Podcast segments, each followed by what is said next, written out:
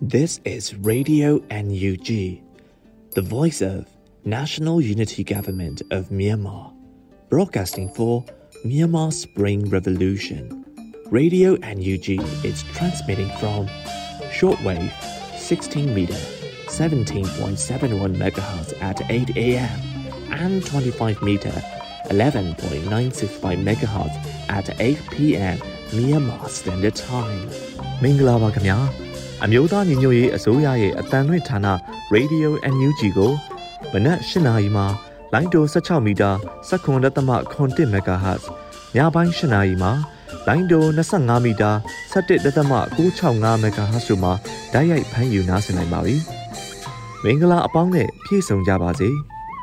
အခုချိန်ကစပြီး Radio NUG အစီအစဉ်တွေကိုဓာတ်ရိုက်အတန်လွှင့်ပေးနေပါပြီ။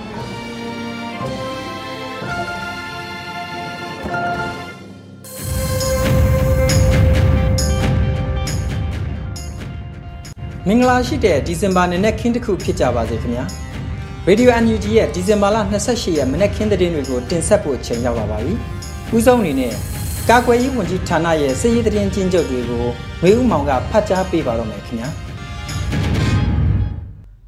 ယခုတင်ဆက်ပေးမှာကတော့ကာကွယ်ရေးဝန်ကြီးဌာနအမျိုးသားညီညွတ်ရေးအစိုးရမှထုတ်ဝေသောနိုင်စဉ်စစ်ရေးသတင်းအချင်းချုပ်ပဲဖြစ်ပါတယ်။ကယားပြည်နယ်တွင်ဒီဇင်ဘာ26ရက်နေ့ည9:00နာရီခန့်က လွိုင်ကော်မြို့နယ်မိုင်းလုံးရက်ကွက်ရထားလမ်းအနီးကင်းပုံးဝင်နေသောစစ်ကောင်စီတပ်ကို DMO PDF နဲ့လွိုင်ကော် KGZ ပူးပေါင်းအဖွဲ့မှတိုက်ခိုက်ခဲ့ရာစစ်ကောင်စီဘက်မှ3ဦးဒဏ်ရာရရှိခဲ့ကြောင်းသိရသည်။ကရင်ပြည်နယ်တွင်ဒီဇင်ဘာ29ရက်နေ့မနက်ပိုင်းက KNU တပ်မဟာ6နယ်မြေမြဝတီမြို့နယ်၄ကီကောဒေသထီးမယ်ဝါခီကျေးရွာတွင်တပ်ဆွဲထားသောစစ်ကောင်စီတပ်ဖွဲ့ကို KNLA ပူးပေါင်းတပ်ဖွဲ့မှဝင်ရောက်တိုက်ခိုက်ရာ စစ်ကောင်စီတပ်များပြန်လည်ဆုတ်ခွာသွားပြီးနောက်တန်းစခန်းများမှလက်နက်ကြီးများဖြင့်ညနေ၄နာရီအထိအဆက်မပြတ်ပစ်ခတ်နေခဲ့သည်။နေ့လယ်တနာရီခန့်မှစပြီးစစ်ကောင်စီများကလေကြောင်းမှတိုက်ခိုက်လာခဲ့ပြီးချီလင်းအင်အားအများအပြားဖြင့်ဒိုးစစ်ဆင်လာသောကြောင့် KNLA ပူးပေါင်းတပ်များမဲဝါခီစခန်းမှဆုတ်ခွာပေးခဲ့သည်။စကိုင်းတိုင်းတွင်ဒီဇင်ဘာ28ရက်နေ့မနက်3နာရီခန့်က ကလေးမျိုးဗိုလ်ချုပ်လန်းဝဲစလီလန်းတောက်ရှိစစ်ကောင်စီကင်းစခန်းနဲ့စမ်းမြို့မူရရဲစခန်းတို့ကို PDF ကလေးနဲ့ CNDF ပူးပေါင်းတပ်များမှတပြိုင်နက်ဝင်ရောက်တိုက်ခိုက်ခဲ့သည်ဒီဇင်ဘာ29ရက်နေ့မနက်8နာရီခန့်ကကျောမြို့နယ်ဘက်မှထွက်ခွာလာသောစစ်ကောင်စီရင်တန်းအစီး30ခန့်ကိုပလဲကန့်ကောလမ်းမကြီးပေါ်မိုင်းတိုင်း56နဲ့50ကွန်ကြားတွင် Youth Revolution Force နဲ့ပလဲနယ်တောင်ပေါ်ပုံနာအဖွဲ့တို့မှမိုင်းဆွဲတိုက်ခိုက်ခဲ့ရာစစ်ကောင်စီ3စီးထိခိုက်ခဲ့သည်ဆက်လက်ပြီး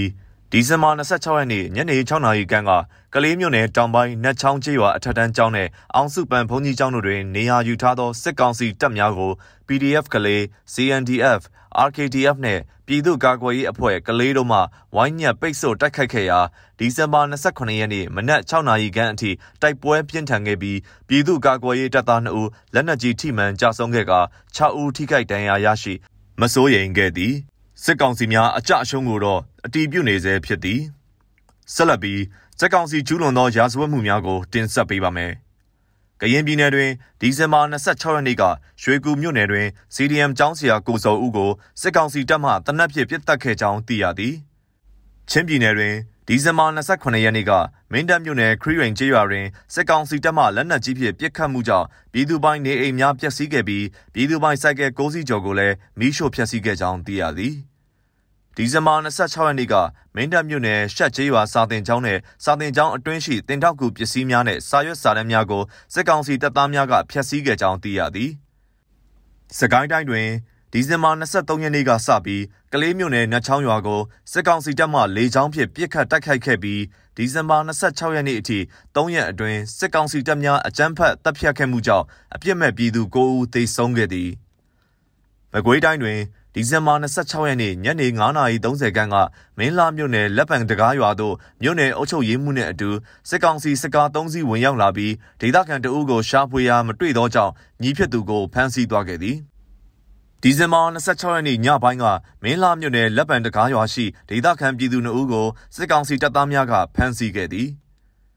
ဒီဇင်ဘာ26ရက်နေ့ညနေ4နာရီခန့်ကရေစကြိုမြို့နယ်ပကန်းကြီးရွာတွင်နေထိုင်သည့်ဒေသခံတို့ကိုစစ်ကောင်စီမှနေအိမ်တွင်ဖမ်းဆီးခဲ့သည်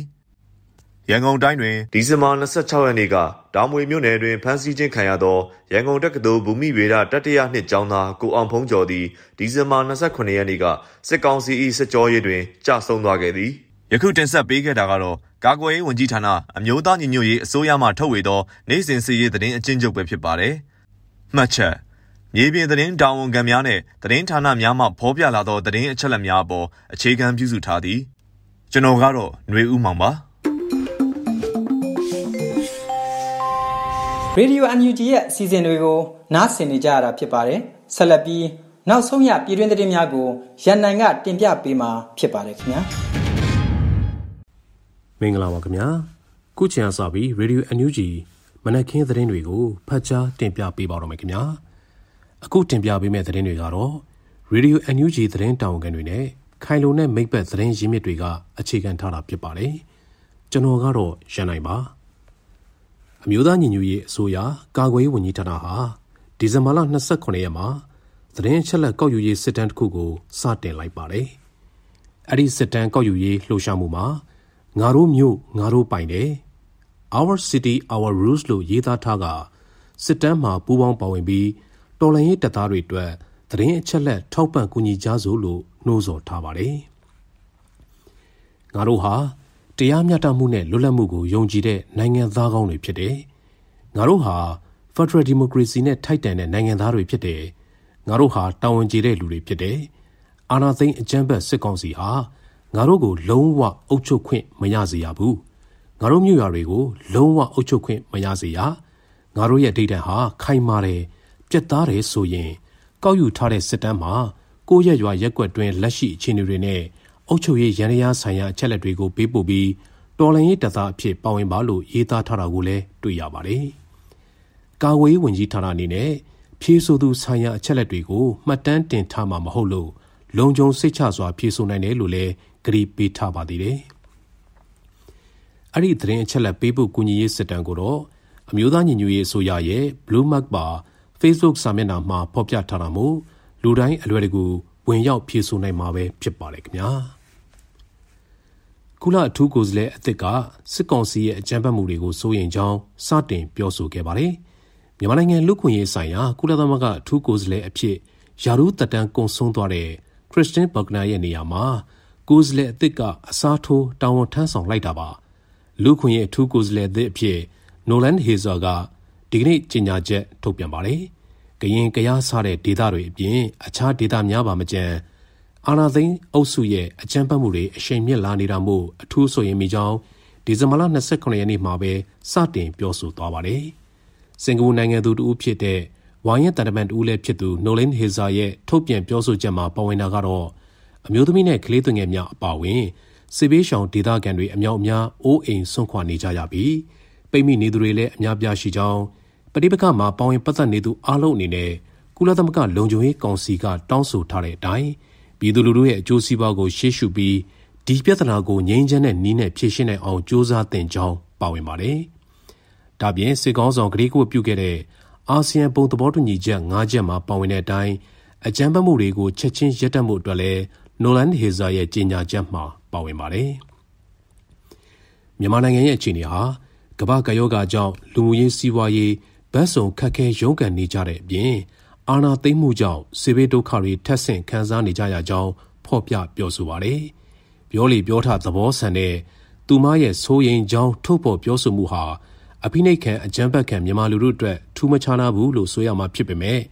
အထူးကိုယ်စားလှယ်သစ်တဦးရဲ့ပထမဆုံးထုတ်ဖော်ပြောဆိုမှုဟာအာယုံစိုက်စရာဖြစ်လာစေပါတယ်။ မြန်မာပြည်သားတွေရဲ့ဒုက္ခတွေအဆုံးသတ်နိုင်စေဖို့တနတ်တန်တွေခြုံငိမ့်သွားအောင်လှုံ့ဆော်ပြီး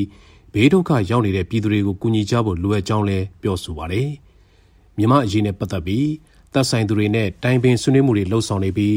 ဒီကိစ္စမှာဓာတ်ရိုက်ပါဝင်ပတ်သက်နေသူတွေနဲ့ထိတွေ့ဆက်ဆံတာ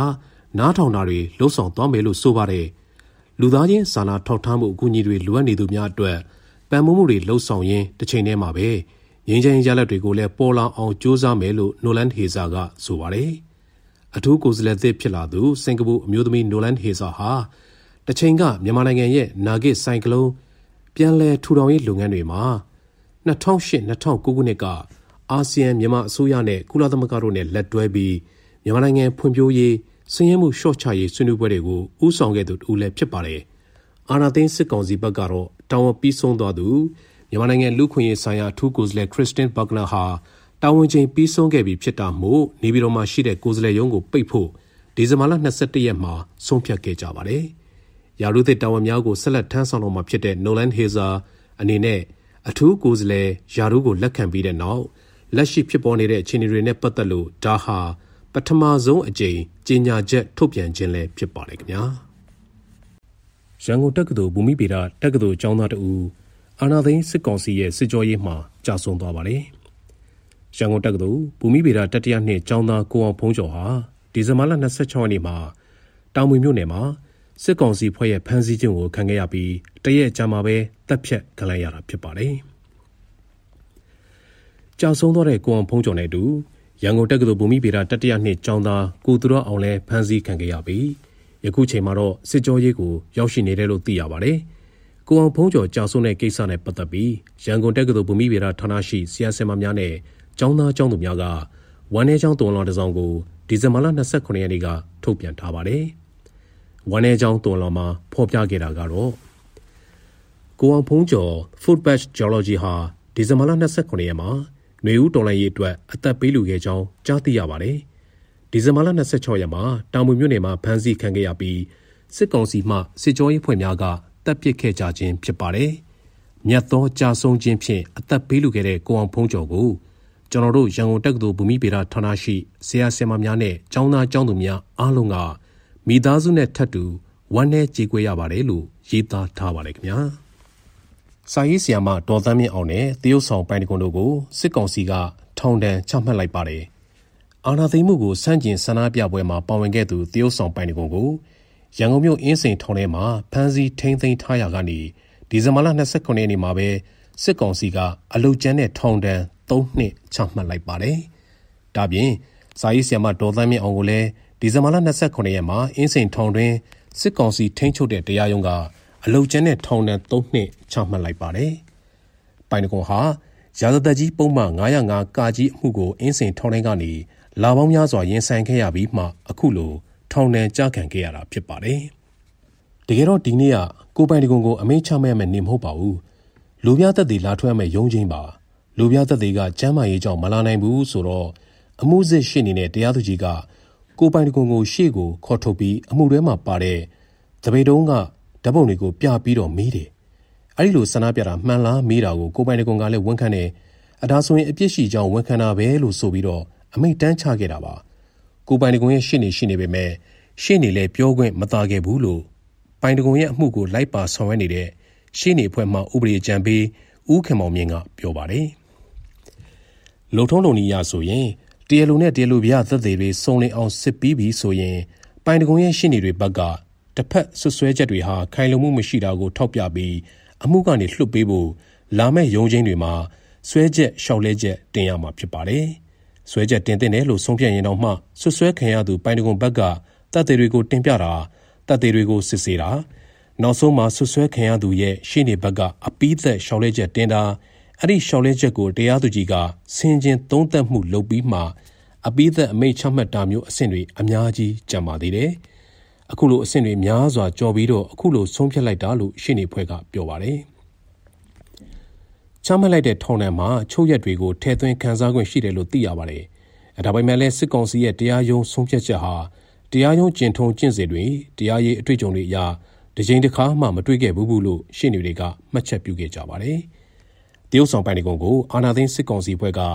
ပြီးခဲ့တဲ့ဧပြီလ10ရက်မှာတကုံမျိုးသစ်မြောက်ပိုင်းရှိနေအိမ်မှာမတရားဖမ်းဆီးခဲ့တာဖြစ်ပါတယ်။ပရဟိတသမားဖြစ်တဲ့စာရေးဆရာမဒေါ်သန်းမြင့်အောင်ကိုလည်းစစ်ကောင်စီကထောင်ဒဏ်3နှစ်ချမှတ်လိုက်ပါတယ်။ စစ်တပ်ဟာအာဏာသိမ်းစမှာပဲဆရာမဒေါ်သန်းမြင့်အောင်ကိုဖမ်းဆီးလိုက်ပြီးစာပေဟောပြောပွဲ3ခုကိုအကြောင်းပြကာစူပူအောင်လှုံ့ဆော်မှုပုံမှန်905ကကြီးနဲ့ဆွဲချက်တင်ခဲ့တာဖြစ်ပါတယ်။စစ်ကောင်စီကပုံမှန်တက်ဆွဲချက်တင်ခဲ့တဲ့ဆီယာမရဲ့စာပေဟောပြောပွဲများဟာအာနာသိန်းဖြစ်စဉ်မတိုင်ခင်ကတည်းကတာမွေမြို့နယ် AR တိုင်းနဲ့ဩစတြေးလျနိုင်ငံဆစ်ဒနီမြို့တွေမှာကျင်းပခဲ့တဲ့စာပေဟောပြောပွဲတွေဖြစ်ကြပါတယ်။အဲ့ဒီစာပေဟောပြောပွဲများဟာ အာနာမသိန်းခင်အစောပိုင်းကလေးကဖြစ်ပြီးတာမွေ AR တိုင်းနဲ့ဩစတြေးလျနိုင်ငံစစ်ဒနီတို့မှာပြုလုပ်ခဲ့တာပါစီးစာရေးဘဝရေးသာတီထောင်သူဖြစ်ပြီးပရဟိတလုပ်ငန်းတွေနဲ့လူသိများတဲ့ဆီယမဟာ NLD အစိုးရလက်ထက်ရန်ကုန်မြို့တော်စီမံသားရေးကော်မတီမှာကော်မတီအဖွဲ့ဝင်တူဖြစ်ပါတယ်။ဒါပြင်ဆီယမဟာအမျိုးသားစာပေစုစံပြပရဟိတစုပြည်သူ့ဂုဏ်ရင်စုအစရှိတဲ့လူမှုရေးထူးချွန်စုတွေကိုလည်းရရှိခဲ့သူတူဖြစ်ပါတယ်။ ထောင်ဒဏ်၃နှစ်ကြာခံရပြီးတဲ့နောက်ကျမ်းမာရေးခြေအနေနဲ့ပတ်သက်ပြီးအမားကနေမကောင်းဘူးစီးကြိုလည်းရှိတယ်စီကူတောက်ကမရဘူးလို့ပြောတယ်စိတ်မကောင်းအခုထောင်၃နှစ်ချတယ်ဆိုတော့ကျမ်းမာရေးနဲ့ပတ်သက်ပြီးစိုးရင်တယ်လို့နိုင်ငံရေးတက်ကြွလှုပ်ရှားသူတို့ကပြောခဲ့တယ်လို့သိရှိရပါတယ်ခင်ဗျာစစ်ကောင်စီဟာကင်းနီပြည်သူများအားလူမဆန်စွာအစုလိုက်ပြုံလိုက်အရှင်လက်လက်မီးရှို့တပ်ခြင်းနဲ့ပတ်သက်ပြီးသဘောထားထုတ်ပြန်ချက်တရက်ကိုတိုင်းသားလက်နက်ကိုင်ညီနောင်မဟာမိတ်သုံးဘွဲကသ ဘောထားထုတ်ပြန်လိုက်ပါတယ်စစ်ကောင်စီရဲ့လူသားမျိုးနွယ်ပေါ်ကျူးလွန်လျက်ရှိတဲ့စစ်ရာဇဝတ်မှုတွေကိုကမ္ဘာနိုင်ငံကြီးများကအရေးယူပေးဖို့တောင်းဆိုပါရှိတဲ့အဲ့ဒီထုတ်ပြန်ချက်ကိုဒီဇင်ဘာလ29ရက်နေ့မှာထုတ်ပြန်ခဲ့ခြင်းဖြစ်ပြီးအပြည့်စုံကတော့2021ခုနှစ်ဒီဇင်ဘာလ24ရက်နေ့တွင် KNB ဖရူဆိုမြို့နယ်မိုးဆိုကျေးရွာနီ၌စစ်ကောင်စီတပ်၏တပ်မ66လက်အောက်ခံခမရ108ဦးဆောင်တဲ့တပ်များက တိုက်ပွဲကြောင့်ထွက်ပြေးတင်းရှောင်လာတဲ့ကလေးသူငယ်များနှင့်အမျိုးသမီးများပါဝင်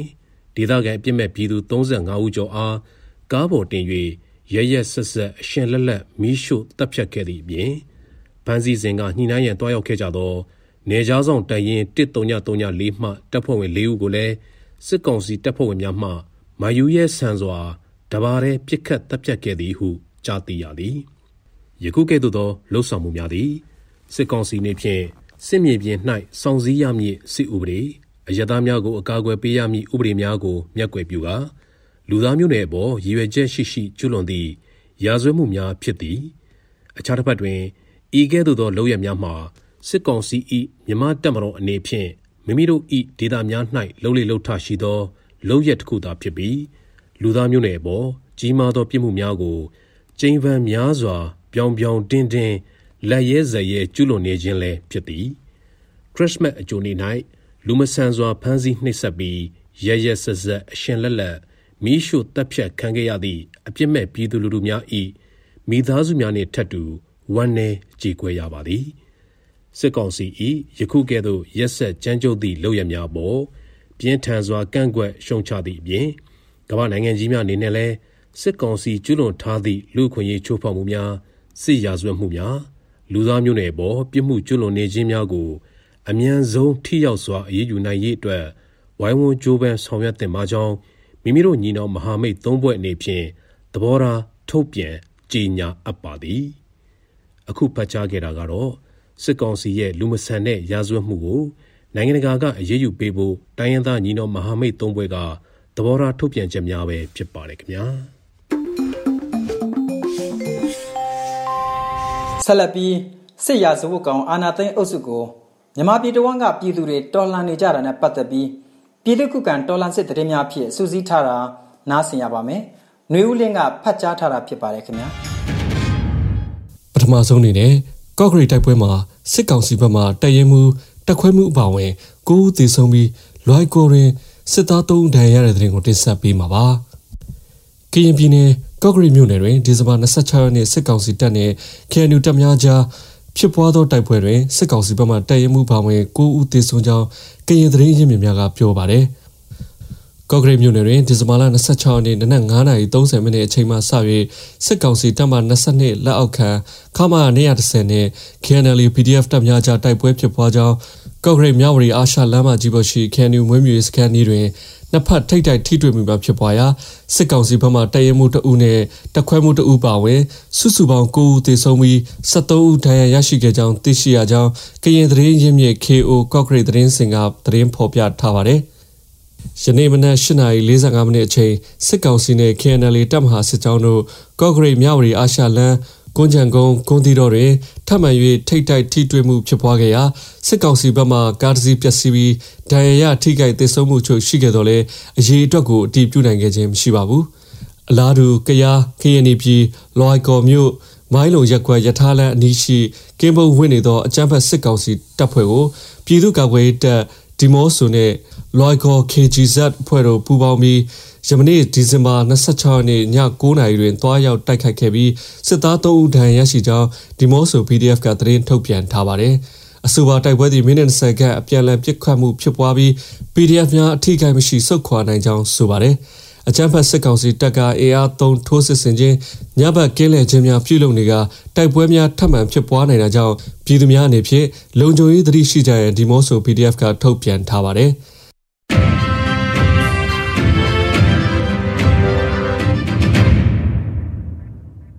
ဆက်လက်တင်ပြမှာကတော့သခိုင်းတိုင်းတွင်တိုက်ပွဲများဆက်လက်ပြင်းထန်နေပြီးတိုင်းမြို့မုံရွာတွင်မြို့တွင်ခလာရ16ပြစ်ခတ်ခံမှုအပါအဝင်မြို့တွင်ပြစ်ခတ်မှုများဖြစ်တဲ့တဲ့တင်မှာစကိုင်းတိုင်းမြို့တော်မုံရွာအပါအဝင် ကလေးဒဇယ်ရေဦးပလဲမြောင်မြို့နယ်များတွင်စစ်ကောင်စီနှင့်ဒေသကာကွယ်ရေးအဖွဲ့တွေကြားတိုက်ပွဲတွေဆက်လက်ဖြစ်ပေါ်ခဲ့ပြီးနှစ်ဖက်ထိခိုက်ကြဆုံးမှုတွေရှိသလိုပြည်သူတွေကိုလည်းစစ်ကောင်စီကဖမ်းဆီးတပ်ဖြတ်မှုတွေရှိခဲ့ပါတယ်။ တိုင်းမြို့တော်မုံရွာမှာခရစ်စမတ်နေ့ကတိုက်ရင်16ကိုရှော့တိုက်ဒုံးနဲ့ပစ်ပြီးဒီဇင်ဘာ26ရက်နေ့မနေ့ကလည်းညပိုင်းမှာပြစ်ခတ်မှုတွေဖြစ်ပွားခဲ့တယ်လို့ဒေသခံတွေကဆိုပါတယ်။ဘယ်ဖွဲ့နဲ့ပြစ်ခတ်တာဘယ်နှယောက်ထိခိုက်ကြဆုံးမှုရှိတယ်ဆိုတဲ့အခြေအနေကိုတော့မသိရသေးဘူးလို့မုံရွာပကဖက Channel Review ကိုပြောကြားထားပါတယ်။ကလေးမျိုးနှချောင်းမှာလည်းမနေ့ကတညလုံးတိုက်ပွဲတွေဖြစ်ပွားခဲ့ပြီးကလေးနီးပညာတက္ကသိုလ်ဘက်ကနေလက်နက်ကြီးနဲ့ပစ်ခတ်တိုက်ခိုက်ခဲ့ပါတယ်။ တိုက်ပွဲအသေးစိတ်အခြေအနေကိုတော့ထုတ်ပြန်ထားခြင်းမရှိသေးပါဘူး။ဒီကနေ့လဲကလေးစစ်တပ်ဝန်းထဲမှာပောက်ကွဲမီးလောင်မှုတွေဖြစ်ခဲ့ပါသေးတယ်။30မြို့မှာလည်းဒီကနေ့မနက်9နာရီခန့်ကမြို့လယ်အဝိုင်းမှာထောင်ထားတဲ့အလံနက်ကိုလာဖြုတ်တဲ့စစ်ကောင်စီတပ်ဖွဲ့ဝင်တွေမိုင်းမိခဲ့ပါတယ်။9ဦးခန့်ထိခိုက်ဒဏ်ရာရသွားတယ်လို့ဆိုပါတယ်။ ပလဲမှာတော့စစ်ကောင်စီတပ်ရဲ့လေကြောင်းပစ်ခတ်မှုတွေကြောင့်အသက်19နှစ်အရွယ်ဒေသကာကွယ်တပ်သားတအူကြာဆုံးခဲ့ရပြီး PRA ရဲ့တိုက်ခိုက်မှုကြောင့်စစ်ကောင်စီတပ်ဖွဲ့ဝင်3ဦးသေဆုံးခဲ့တယ်လို့ဒေသကာကွယ်ရေးသတင်းရင်းမြစ်များကသိရပါတယ်။မြောင်မြို့နယ်အောင်ချမ်းသာရွာကိုလည်းစစ်ကောင်စီတပ်တွေဝင်ဝင်နေပြီးအပြစ်မဲ့ပြည်သူတို့ကိုပြစ်တက်ထားတယ်လို့ဒေတာရင်းသတင်းရင်းမြစ်တွေကသိရပါဗျ။ စကိုင်းတိုင်းဒေသအနှံ့ပြားမှာတိုက်ပွဲတွေဆက်လက်ပြင်းထန်နေပြီးမိုက်တဲတာဝါရန်တွေလည်းဆက်လက်ဖြိုလဲခံနေရသလိုစီးတင်းမာမှုအမြင့်ဆုံးကိုလည်းရောက်ရှိနေတာပါ။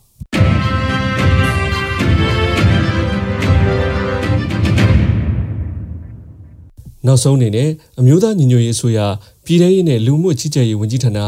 ဒီဇင်ဘာလ29ရက်နေ့ရက်စွဲနဲ့ထုတ်ပြန်တဲ့ပြည်သူခုခံတော်လှန်စစ်သတင်းအချက်အလက်တွေကိုဆက်လက်တင်ဆက်ပေးသွားမှာပါ။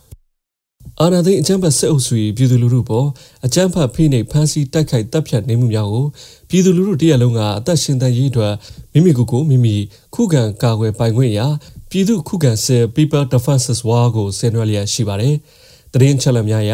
26ရက်12လ2021ရက်နေ့တွင်စစ်ကောင်စီတပ်ဖွဲ့ဝင်60ဦးသေဆုံးပြီးထိခိုက်ဒဏ်ရာရရှိသူ10ဦးအထိခုခံတိုက်ခိုက်နိုင်ခဲ့ပါတယ်။ စစ်အာဏာရှင်စနစ်မြမမြေပေါ်မှာအပြီးတိုင်ချုပ်ငြိမ်းရေးနဲ့ Federal Democracy စနစ်တည်ဆောက်ရေးအတွက်ငြိမ်းချမ်းစွာဆန္ဒပြသည့်လူထုတပိတ်တိုက်ပွဲများကပြည်내နဲ့တိုင်းဒေသကြီးများမှာဖြစ်ပွားပေါ်ပေါက်လျက်ရှိပါတယ်။မြေပြင်မှာယခုတွေ့ရတဲ့သတင်းအချက်အလက်များထက်ပို၍ဖြစ်ပွားနိုင်ပါတယ်။လှိုင်းတိုမီတာ16 MHz 19.8မှ Radio UNG စီစဉ်တွေကိုတိုက်ရိုက်ထုတ်လွှင့်နေတာဖြစ်ပါတယ်။ PPTV မှနောက်ဆုံးရသတင်းများကိုတော့ ရွှေရီကတင်ဆက်ပေးတာနားဆင်ကြပါအောင်ခင်ဗျာ။ကျွန်တော်ကတော့လွတ်လပ်နေဦးပါ။မင်္ဂလာပါရှင်။မြန်မာနိုင်ငံသူနိုင်ငံသားအပေါင်းဘေးအန္တရာယ်အသွက်အသွက်ကင်းဝေးပြီးကိုယ်စိတ်နှပါလုံခြုံအေးချမ်းကြပါစေလို့ဆုတောင်းမြတ်တာပို့သလိုက်ရပါတယ်။အခုချိန်ကစပြီး PPTV သတင်းတွေကိုတင်ဆက်ပေးတော့မှာပါကျွန်မရွှေဤပါ အခုပထမဦးဆုံးတင်ဆက်ပေးမှာကတော့အမျိုးသားညီညွတ်ရေးအစိုးရဝင်ကြီးချုပ်ရုံးက CDM တွေကိုဖိနှိပ်မှုပြုလုပ်နေတဲ့ NAM CDM ဝန်ထမ်းအရာရှိ22ဦးကို အမည်ပြတ်စည်ရင်သွင်းပြီးယာရုကထုတ်ပယ်လိုက်တဲ့သတင်းဖြစ်ပါတယ်။ CDN တွေကိုဖိနှိပ်မှုပြုလုပ်နေတဲ့စိုက်ပျိုးရေးမွေးမြူရေးနဲ့ဆယ်မြောင်းဝင်ကြီးဌာနဆယ်မြောင်းနဲ့ရေအသုံးချမှုစီမံခန့်ခွဲရေးဦးစီးဌာနက NAM CDN ဝင်တဲ့ဒုညွှန်ကြားရေးမှူးနဲ့အထက်အရာရှိ22ဦးကို အမျိုးသားညီညွတ်ရေးအစိုးရဝင်ကြီးချုပ်ရုံးက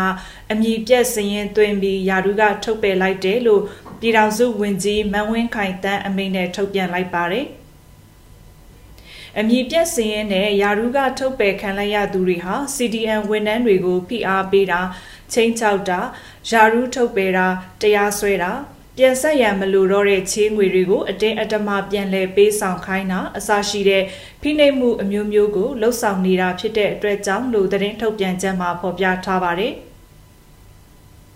ထုတ်ပယ်ခံရသူတွေကစိုက်ပျိုးရေးမွေးမြူရေးနဲ့ဆယ်မြောင်းဝင်ကြီးဌာနဆယ်မြောင်းနဲ့ရေအသုံးချမှုစီမံခန့်ခွဲရေးဦးစီးဌာနကညွှန်ကြားရေးမှူးချုပ်ဒုတိယညွှန်ကြားရေးမှူးချုပ်2ဦး ညွှန်ကြားရေးမှူး16ဦးနဲ့ဒုတိယညွှန်ကြားရေးမှူး3ဦးတို့ဖြစ်ပါတယ်။အမျိုးသားညီညွတ်ရေးအစိုးရဝန်ကြီးချုပ်ရုံးအနေနဲ့လည်းအောက်တိုဘာလမှစတင်ပြီးအမိတ်အာဏာဖီဆန်ရေးလှုပ်ရှားမှု CDM မှာပါဝင်ခဲ့ကြတဲ့ဝင်ကြီးဌာနမဖွဲ့ရသေးတဲ့ဌာနအသီးသီးကနိုင်ငံဝင်တဲ့သူရဲကောင်းတွေရဲ့လူမှုဖူလုံရေးလုံခြုံဘေးကင်းရေးနဲ့ဖိအားကင်းစင်ရေးတို့အတွက်အလေးထားဆောင်ရွက်နေတယ်လို့ဆိုထားပါတယ်။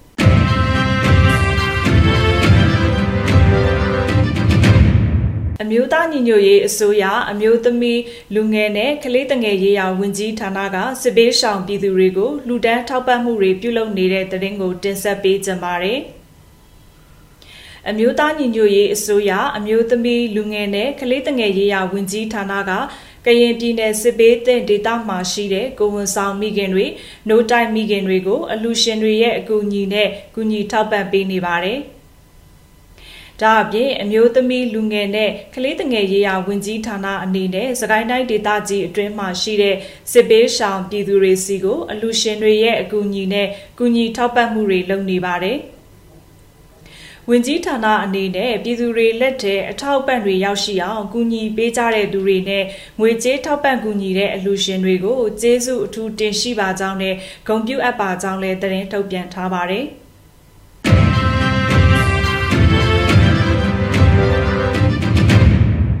အခုတင်ဆက်ပေးမယ့်သတင်းကတော့အကြမ်းဖက်စစ်ကောင်စီအုံပြုနေတဲ့73စီတွေကို73စီလုပ်ငန်းရှင်များအသင်းကထောက်ပံ့မှုတွေလုပ်နေတဲ့ဆိုတဲ့သတင်းပဲဖြစ်ပါတယ်။အကြမ်းဖက်စစ်ကောင်စီက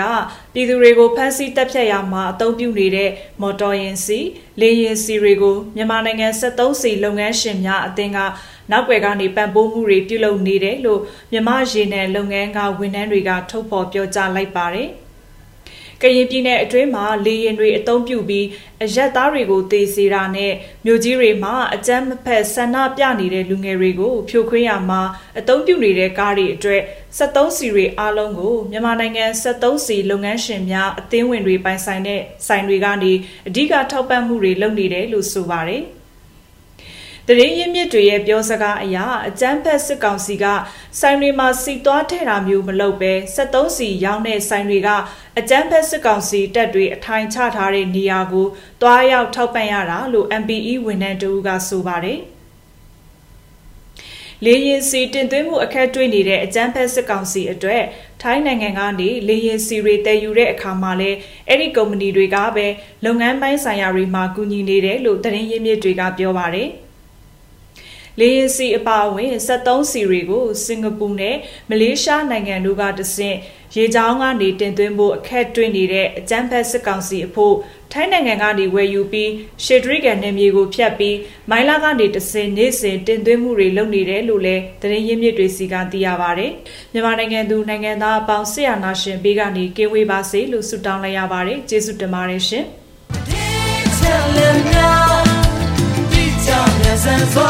။